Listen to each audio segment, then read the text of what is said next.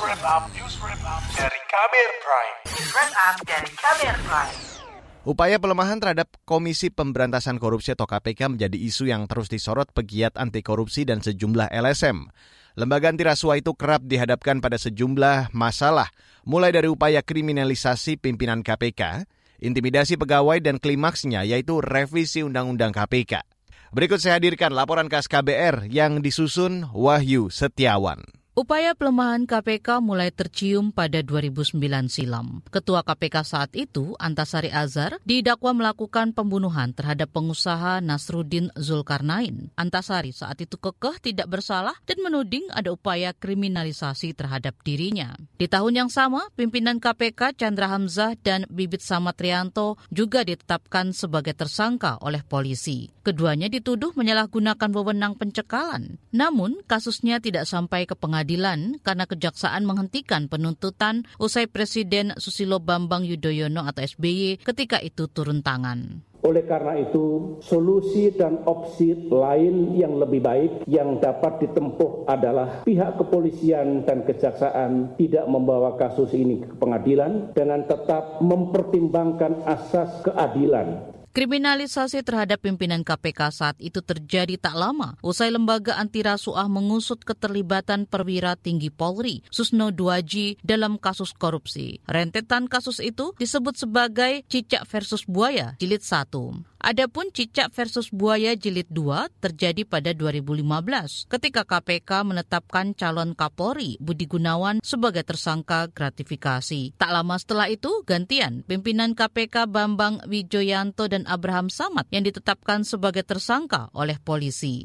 Budi Gunawan bebas usai menang pra-peradilan, sedangkan Samad dan Bambang juga akhirnya tidak diadili usai Kejaksaan Agung melakukan pengesampingan perkara. Upaya pelemahan KPK tak hanya lewat kriminalisasi, tetapi juga menggunakan serangan teror dan intimidasi. Yang paling disorot adalah yang menimpa penyidik KPK Novel Baswedan. April 2017 lalu, Novel diserang sejumlah orang dengan siraman air keras. Akibatnya, mata kiri Novel cacat permanen. Empat tahun berlalu, baru dua orang yang diduga sebagai pelaku lapangan yang diproses hukum. Tim advokasi Novel Baswedan, Andi Rezaldi mengatakan tidak diungkapnya aktor intelektual ini menjadi warisan teror yang tak terputus dan berpotensi menjadi ancaman ke depannya. Presiden Jokowi untuk bisa segera memerintahkan kembali Kapolri Listio Sigit Prabowo untuk menunaikan janjinya menuntaskan kasus ini dengan mengungkap aktor perencana atau intelektual dan aktor lainnya.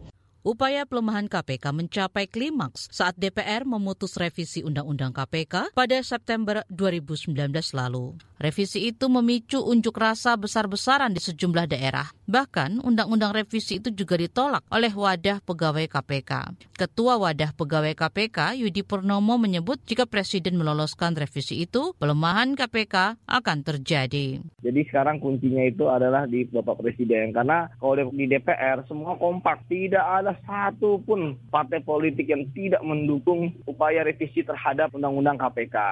Pusat Kajian Anti Korupsi atau Pukat UGM Yogyakarta juga menyatakan KPK tidak bisa bekerja usai berlakunya undang-undang hasil revisi. Sebab sejumlah wewenang harus mendapatkan persetujuan terlebih dahulu dari Dewan Pengawas. Di antaranya praktik penyadapan hingga penggeledahan. Kala itu peneliti Pukat UGM Yuris Reza meminta Presiden Joko Widodo mengeluarkan peraturan pemerintah pengganti undang-undang atau Perpu. Saya pikir dorongan publik juga yang sangat besar bisa menjadi pertimbangan bagi Presiden untuk menerbitkan Perpu untuk kemudian mengembalikan Undang-Undang KPK ke Undang-Undang yang lama. Namun, dorongan penerbitan Perpu ditolak mentah-mentah oleh Jokowi. Kini, nasib Undang-Undang KPK ada di tangan Mahkamah Konstitusi. Usai sejumlah pegiat anti korupsi mengajukan uji formil dan uji material.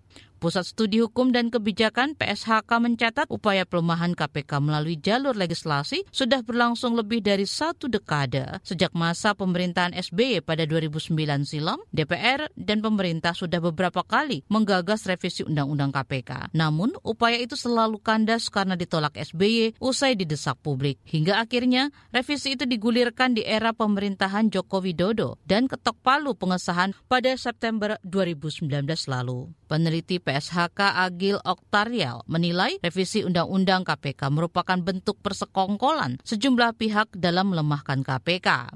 Nah, jalur legislasi ini kan uh, persekongkolan banyak pihak ya, tidak hanya uh, eksekutif, tetapi juga uh, legislatif, termasuk kemudian pihak-pihak yang berkepentingan untuk memperlemahkan KPK. Agil menilai upaya pelemahan KPK itu kini berlanjut ke alih status pegawai KPK menjadi aparatur sipil negara atau ASN. Alih status itu membuat penyidik KPK tidak lagi independen dalam bekerja. Apalagi proses alih status itu diwarnai dengan isu tidak lolosnya sejumlah pegawai, salah satunya penyidik senior KPK Novel Baswedan. Nah, ini kan sangat berbahaya jika orang-orang terbaik di KPK kemudian keluar. Demikian laporan yang disusun Wahyu Setiawan. Saya Fitri Anggreni. Kamu baru saja mendengarkan news wrap up dari Kabel Prime. Dengarkan terus kabelprime.id, podcast for curious mind.